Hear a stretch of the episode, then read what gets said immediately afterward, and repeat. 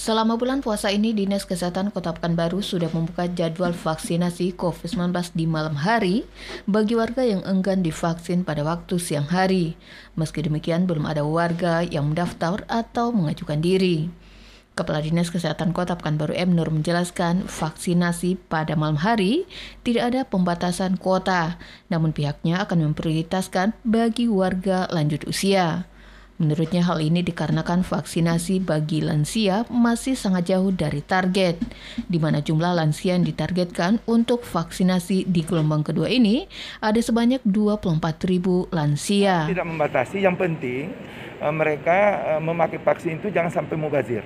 Artinya sekali buka vaksin itu minimal ada 10 orang yang divaksin. Nah, kalau tidak nanti vaksin sisa mau ke mana gitu. Dan kita diinstruksikan jangan sampai vaksin mubazir. Karena 6 jam vaksin tak bisa lagi dipakai kalau sudah dibuka. Nah, di, di asap jarum kan dibuka namanya telah masuk angin. Nah, itu nggak boleh itu lebih dari 6 jam. Nggak boleh lagi simpan untuk besok. Maka mereka memastikan itu. Jadi ada kemungkinan. Tapi kita terus sampaikan, kalau berkoordinasi dengan uh, yang berdekatan. Kalau untuk uh, lansia kami tidak batasi, tetapi lain itu dibatasi. Seperti diketahui, Dinas Kesehatan Kota Pekanbaru membuka vaksinasi COVID-19 untuk siang dan malam hari.